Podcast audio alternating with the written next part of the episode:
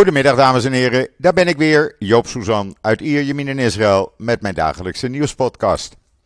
Eerst even het weer. Uh, 28 graden, een blauwe lucht, een zwak briesje en daar moeten we het dan maar weer mee doen deze herfst. Ja, het valt niet mee hè. Maar goed, het is wel lekker. Morgenochtend uh, zouden we misschien een regenbuitje krijgen. Nou, dat spoelt uh, alles even schoon. Ook wel lekker. En dan blijft het gewoon weer rond de 28 tot 30 graden. En dan eerst even uh, Amsterdam, waar uh, wij gisteren nogal druk mee uh, bezig zijn geweest. Rob Heilbron, Esther Voet, ik en een aantal anderen. En dat gaat over die David, David Icke, de antisemiet en holocaustontkenner, die daar zomaar op de Dam in het centrum van Amsterdam op 6 november zou mogen spreken. Het blijkt inmiddels dat uh, die organisatie een heleboel uh, andere organisaties op de lijst heeft gezet. Als zijnde dat ze het steunen, uh, die nergens vanaf wisten. bijvoorbeeld BVNL, die heeft zich er al af laten zetten.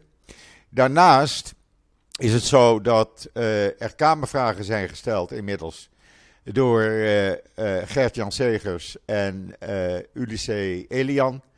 Uh, Kamervraag aan de minister van Justitie. Want, zeggen zij, voor holocaustontkenning en onversneden antisemitisme is geen plaats in Nederland, dus ook geen podium.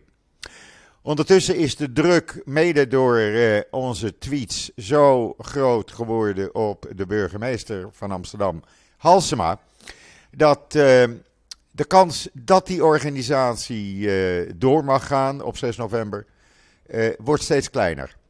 Uh, ze moeten er nog even over denken, maar de druk uh, ook uit de Amsterdamse politiek wordt toch groter en van buiten de politiek. En we blijven daarmee doorgaan. Morgenochtend ga ik daar, uh, of morgenmiddag met Esther Voet in onze gezamenlijke podcast gaan we daar uitgebreid over spreken. ondertussen blijkt ook Baudet, ja, zeg maar fan van uh, David Icke te zijn, want die hangt dezelfde reptiele uh, story aan. ik heb het op het filmpje van de Telegraaf heb ik op social media gezet. Daar kunnen jullie het allemaal nog even nazien. Daar legt Bart Wallet ook uit wat die reptiele, reptiele verhaal inhoudt. Het is onversneden antisemitisme. en je ziet de stand van Nederland. Want nadat de Telegraaf gisteren uh, een artikeltje op Twitter had gezet. Nou, als je de reacties daaronder ziet. Het is complete jodenhaat wat, er, uh, wat eronder staat. Het is niet te geloven wat de stand van Nederland is. ja, ik, ik ben ervan geschrokken. Dat meen ik serieus. Kijk anders nog even op Twitter. Daar zie je dat artikel staan van de Telegraaf. En uh, ja, daar wordt die man gewoon opgehemeld. Het is niet te geloven. 9 van de 10 uh, eh, reacties zijn allemaal anti-Joods. Uh, gewoon complete Jodenhaat. ik kan me niet begrijpen dat het, in Amsterdam, dat het in Nederland zo erg is. Ik ben daar echt van geschrokken. Ondertussen heeft mijn lieve broer Simon Suzan een hele goede kolom geschreven. Die kan je lezen in israelnieuws.nl. Antisemieten op de Dam. En dat gaat over Mies. En wie is Mies? Nou, Mies is uh, Femke Halsema. Uh, ja, uh, lees het maar. Ik ga het niet verraaien. Ik vind het een uitstekend artikel. Ik bewonder hem hoe hij dat altijd weer op papier krijgt. Ik doe het hem niet na. Maar ja, eh, ook hij komt dan weer op het antisemitisme en jodenhaat terecht. Eh, waar in Amsterdam, in het centrum van de ooit eh, Joodse stad voor de oorlog, eh, in het centrum, in het hartje, vlakbij het Holocaust-monument, waar de as van slachtoffers uit alle elf provincies bewaard wordt, dat daar tegenover een jodenhater, een antisemiet, een holocaustontkenner uh, mag gaan, uh, gaan spreken. Nou, ik vind het een godspe. Dat meen ik serieus. Het is erger dan een godspe. En dit mag niet doorgaan. Ik, ik blijf hierop hameren. Uh, als we met z'n allen druk uitoefenen op de gemeente Amsterdam, dan moet dat op een gegeven ogenblik gestopt worden. Laten ze het maar ergens op een onbewoond eiland gaan doen. En ik wil niet eens zien al die jodenhaters bij elkaar op de Dam. Daar is geen plaats voor op de Dam. Was dat alles waar je kwaad over bent, Joop? Nee, maar daar kom ik zo meteen op terug. Eh, laten we eerst maar even over COVID hebben. De afgelopen 24 uur op dinsdag 792 nieuwe COVID-besmettingen. Oftewel 8,86% van de mensen die eh, waren getest. Dat waren er ruim 8900, bleken besmet te zijn. In totaal zijn er nog 5767 mensen eh, met COVID besmet in Israël. Er liggen er 80 ernstig ziek in het ziekenhuis, 31 van hen kritiek en aangesloten aan beademingsapparatuur. Het dodental is inmiddels opgelopen naar 11.728 als gevolg van COVID. En dan is er ook een haatcampagne tegen een Israëlisch restaurant in Australië gestart. Gestolen e- eten gedrenkt in Palestijns bloed. Jawel, zover gaat het. Eh, het antisemitisme wereldwijd, het blijft maar doorgaan. Het hele verhaal met foto's kan je lezen in israelnieuws.nl. Maar het is een complete uh, jodenhaatcampagne, omdat ze Israëlisch eten verkopen. Ja, en dan hebben we uh, hier natuurlijk het verhaal. Nee, eerst wat anders. Eerst wat anders. Zullen machines ons uh, helpen onze schrijfvaardigheid te verbeteren? Nou, als het aan een Israëlisch bedrijf ligt, de start-up A121, uh, gaat dat echt gebeuren. want die hebben dat uitgevonden. Machines, artificial intelligence of kunstmatige intelligentie, die wordt steeds slimmer. En die nemen het schrijfproces gewoon over. Zo gaat dat volgens hun. Lees het maar in israelnieuws.nl. Waar je ook kan lezen dat een uh, Israëlisch kunstmatig in, uh, intelligentieproduct, oftewel A1-product, is uitgeroepen tot bouwsoftware van het jaar wereldwijd. Jawel, ze hebben de London Construction Award 2022 gewonnen. En wat hebben ze dan uitgevonden? Uh, nou, 360 graden camera's op veiligheidshelmen.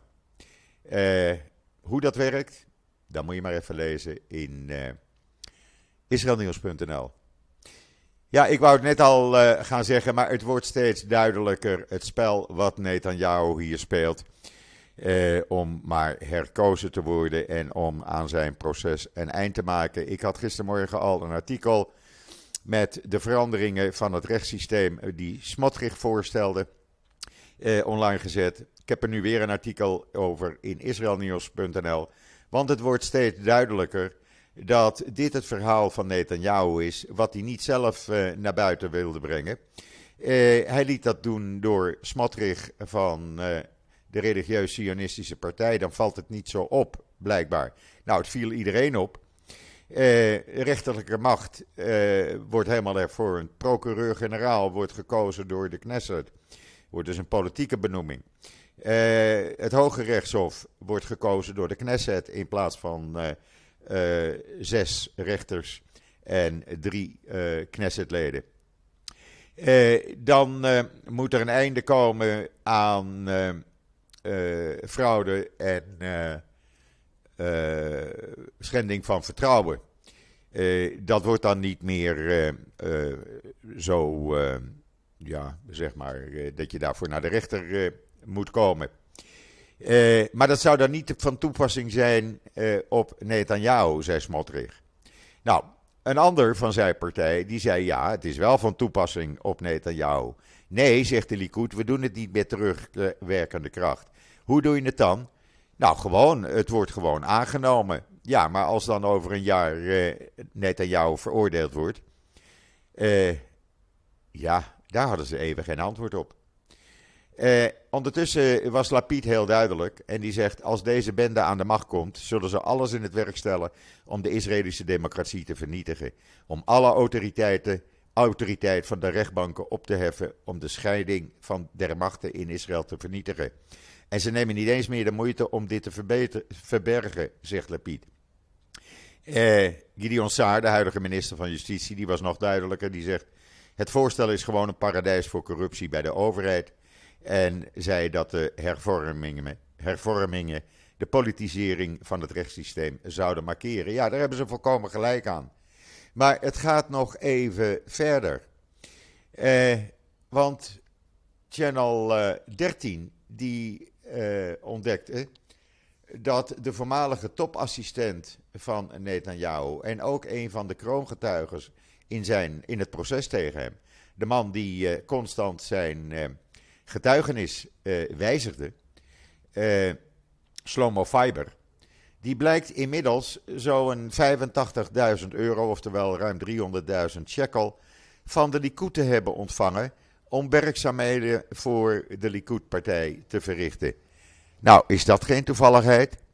Eh, en daar zijn ze mee begonnen nadat hij zijn getuigenissen had veranderd.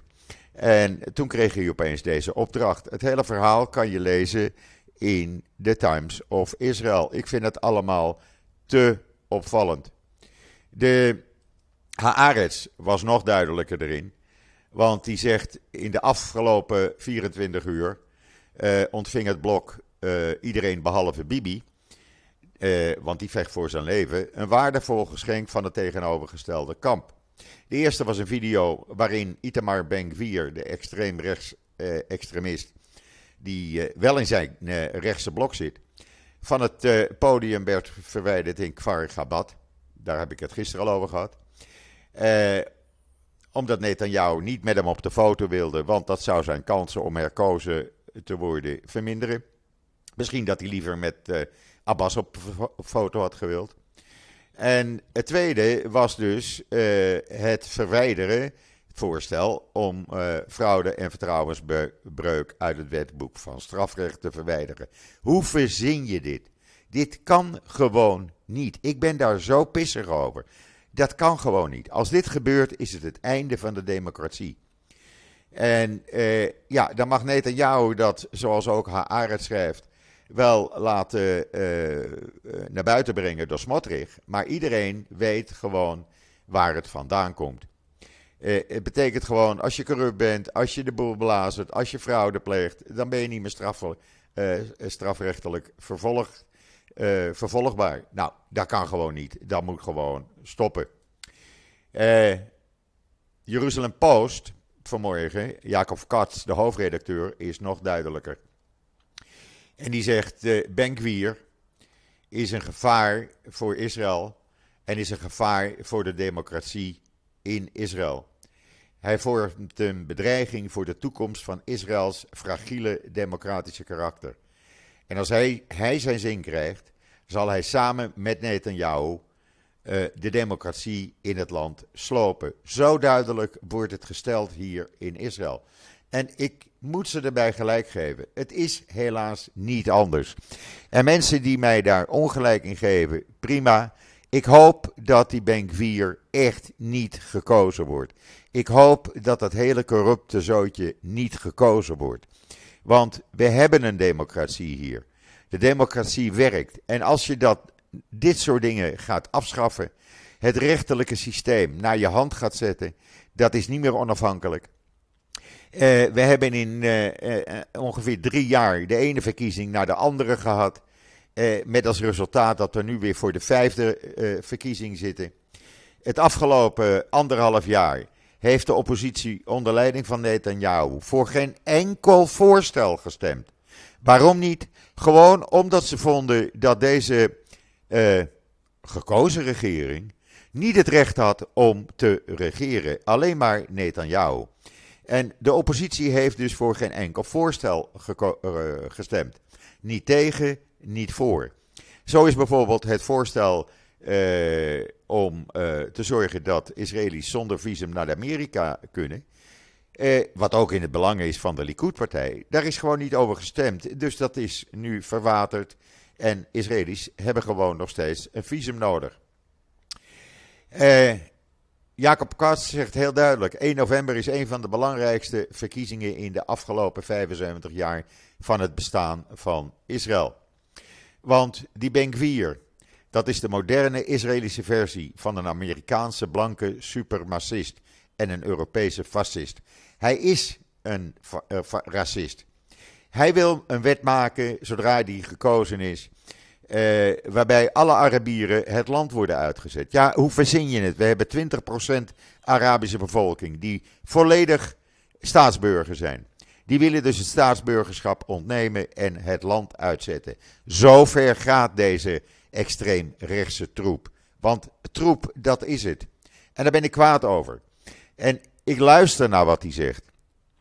Uh, hij heeft bijvoorbeeld van de week gezegd: laat die Arabieren allemaal het land uitgaan. Laten ze maar naar, naar Europa gaan. Daar kunnen ze nog werken. Daar hebben ze nog mensen nodig om te werken. Eh, in plaats van dat ze hier blijven. Eh, dit is alleen maar een land voor Joden. Nou, sorry, zo werkt het dus gewoon niet. En dan liep hij verleden week met een wapen te slingeren in Sheikh Yara. Wat gaat er gebeuren als die man op een gegeven ogenblik zijn zin niet krijgt in de Knesset en daar met zijn pistool gaat schieten? Uh, hij riep namelijk tegen zijn aanhangers: Jongens, als ze met stenen gaan gooien, mijn zegen heb je, schiet ze maar neer. Uh, nou ja, dit kan gewoon niet. En dat zijn dan de coalitiepartners van Netanyahu. En ja, uh, jullie begrijpen hoe kwaad ik ben. En ik ben niet de enige. Lees het maar in uh, Jeruzalem Post. En Jacob Kas is niet zomaar een journalist. Geloof mij. Een respectabel iemand. Lapid trouwens heeft aangekondigd dat hij die een nationaliteitswet wil wijzigen. Daar was hij altijd op tegen. Dat is ja, die wet die is een paar jaar geleden, toen Netanyahu nog premier was, aangenomen. Met een minimale meerderheid. Uh, waarbij Israël een nazistaat is en Arabieren minder rechten hebben. Hij heeft gisteravond voor de Arabische nieuwszenders gezegd: Als ik gekozen word en ik kan weer premier worden, zal ik zorgen dat het eerste wat er gebeurt is dat die naziwet wordt veranderd. En dat iedereen burgerlijk gelijk is, wie hier ook woont. Of je nou moslim, christen of joods bent of helemaal geen geloof. Iedereen is, geloof, is gelijk.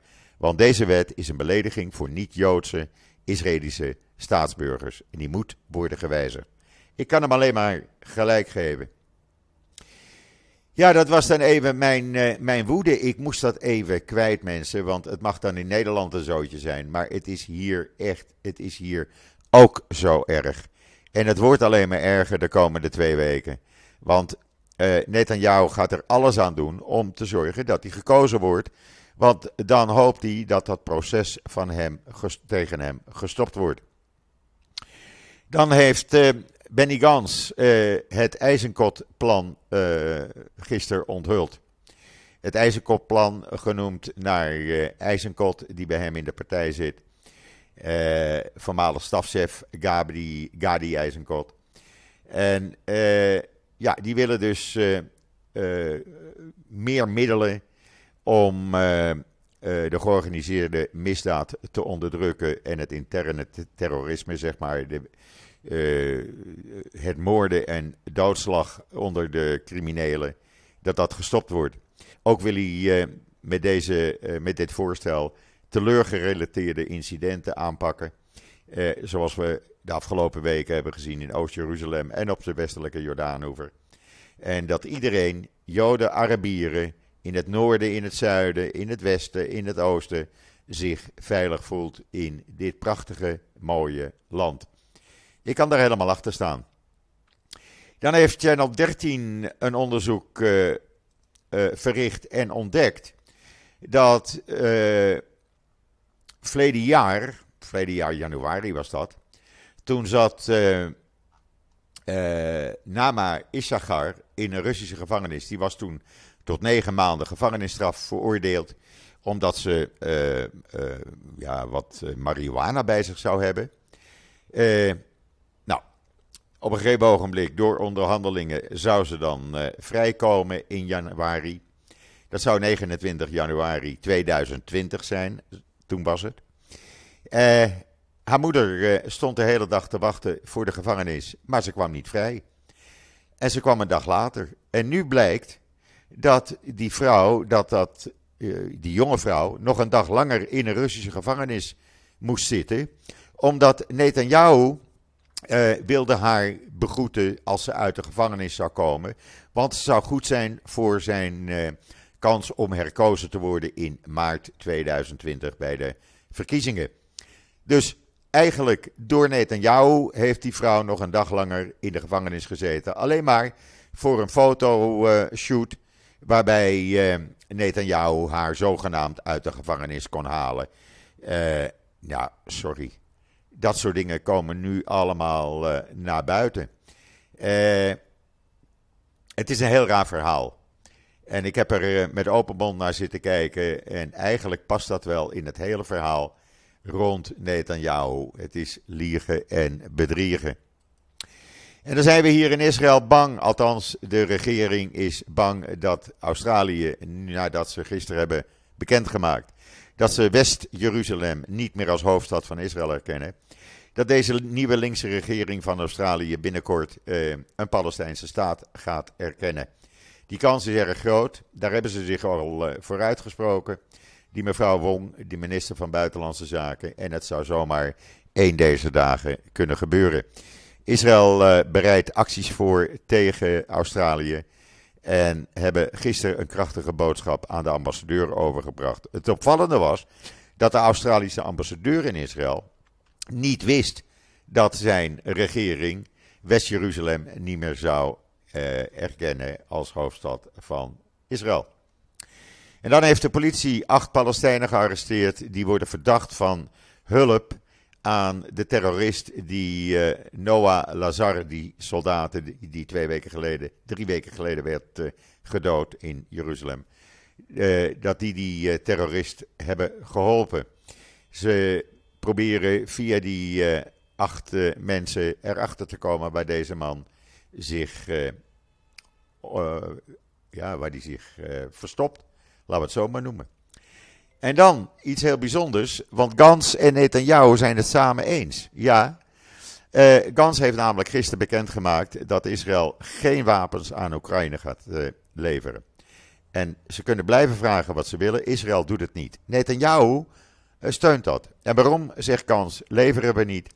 Omdat nu met de betrokkenheid van Iran bij die oorlog in Oekraïne uh, de kans te groot is dat zodra bijvoorbeeld een Iron Dome daar wordt neergezet, uh, Iran dat ding uh, in beslag neemt, via Rusland krijgt. en kan uitvinden hoe het werkt. En dat risico willen we gewoon niet lopen. Het staat in de Engelstalige Wynet en het gebeurt niet. Ook al omdat Iran nu inmiddels militaire trainers naar Oekraïne heeft gestuurd om de Russen te helpen, of op de Krim eigenlijk, om de Russen te helpen die zelfmoorddrones uh, beter te bedienen en nog meer schade aan te richten. En dat is bloedlink, ook voor Israël. Want als uh, Rusland ze gebruikt, dan kunnen ze ook maar zo in Syrië gebruikt worden. En voordat je het weet, ligt het noorden van Israël onder uh, vuur van die zelfmoorddrones. En dat willen we even niet. en dan zijn veel gevluchte Oekraïners en veel uh, Oekraïners die al jaren hier wonen, maar waarvan de familie, de ouders nog in Oekraïne wonen, die zijn bezorgd. Even een slokje drinken, sorry. Die zijn bezorgd over hun ouders, hun familie. Want zeggen ze, hun veelal bejaarde ouders, die hebben ze moeten achterlaten. Die zitten, uh, er zijn er heel veel van in gebieden die nu onder Russische controle staan. En uh, ja, ze krijgen geen contact meer met ze en ze weten niet hoe het met die mensen is. Het is verschrikkelijk. Ze, uh, mensen kunnen wel dood zijn, uh, de Joden daar. Ze kunnen ontvoerd zijn naar Rusland. Men krijgt geen contact meer met ze. Verschrikkelijk. In de Engelstalige Ynet. Ja, het was een beetje kwaaie podcast, maar ik moet dat even kwijt, mensen. Ik ben er nog niet mee klaar. Want ik, eh, we gaan er alles aan doen om te zorgen dat die antisemiet en holocaustontkenner niet op de dam staat. En we gaan er alles aan doen dat Israël een democratische staat is en blijft. Uh, het kan niet zo zijn dat door de belangen van één persoon Israël geen democratie meer kan worden. Waar zijn we dan mee bezig? Dit mag niet gebeuren. Ik hou jullie op de hoogte. Morgen heb ik een podcast met Esther Voetzame. Denk nog even aan fooiepot met een d.com. Ik heb jullie steun nodig. Ik blijf het nodig hebben. Uh, anders kan ik uh, mijn werk niet meer voortzetten. En ik weet dat velen van jullie uh, naar het nieuws uitkijken. En ik, ik werk er 10, 12 uur per dag aan. Ik wil er graag mee doorgaan. Maar denk dan ook even aan fooiepot met een d.com. Van elke 2 euro gaat 50 eurocent naar Allen Kinderziekenhuis in de Negev. En je kan ook via fooiepot met Ideal betalen. Hoe makkelijk weer het hebben. Alvast bedankt daarvoor. Ik wens iedereen nog een hele fijne voortzetting van deze woensdag, de 19e oktober. Ik ben er morgen weer en zeg zoals altijd: tot ziens, tot morgen.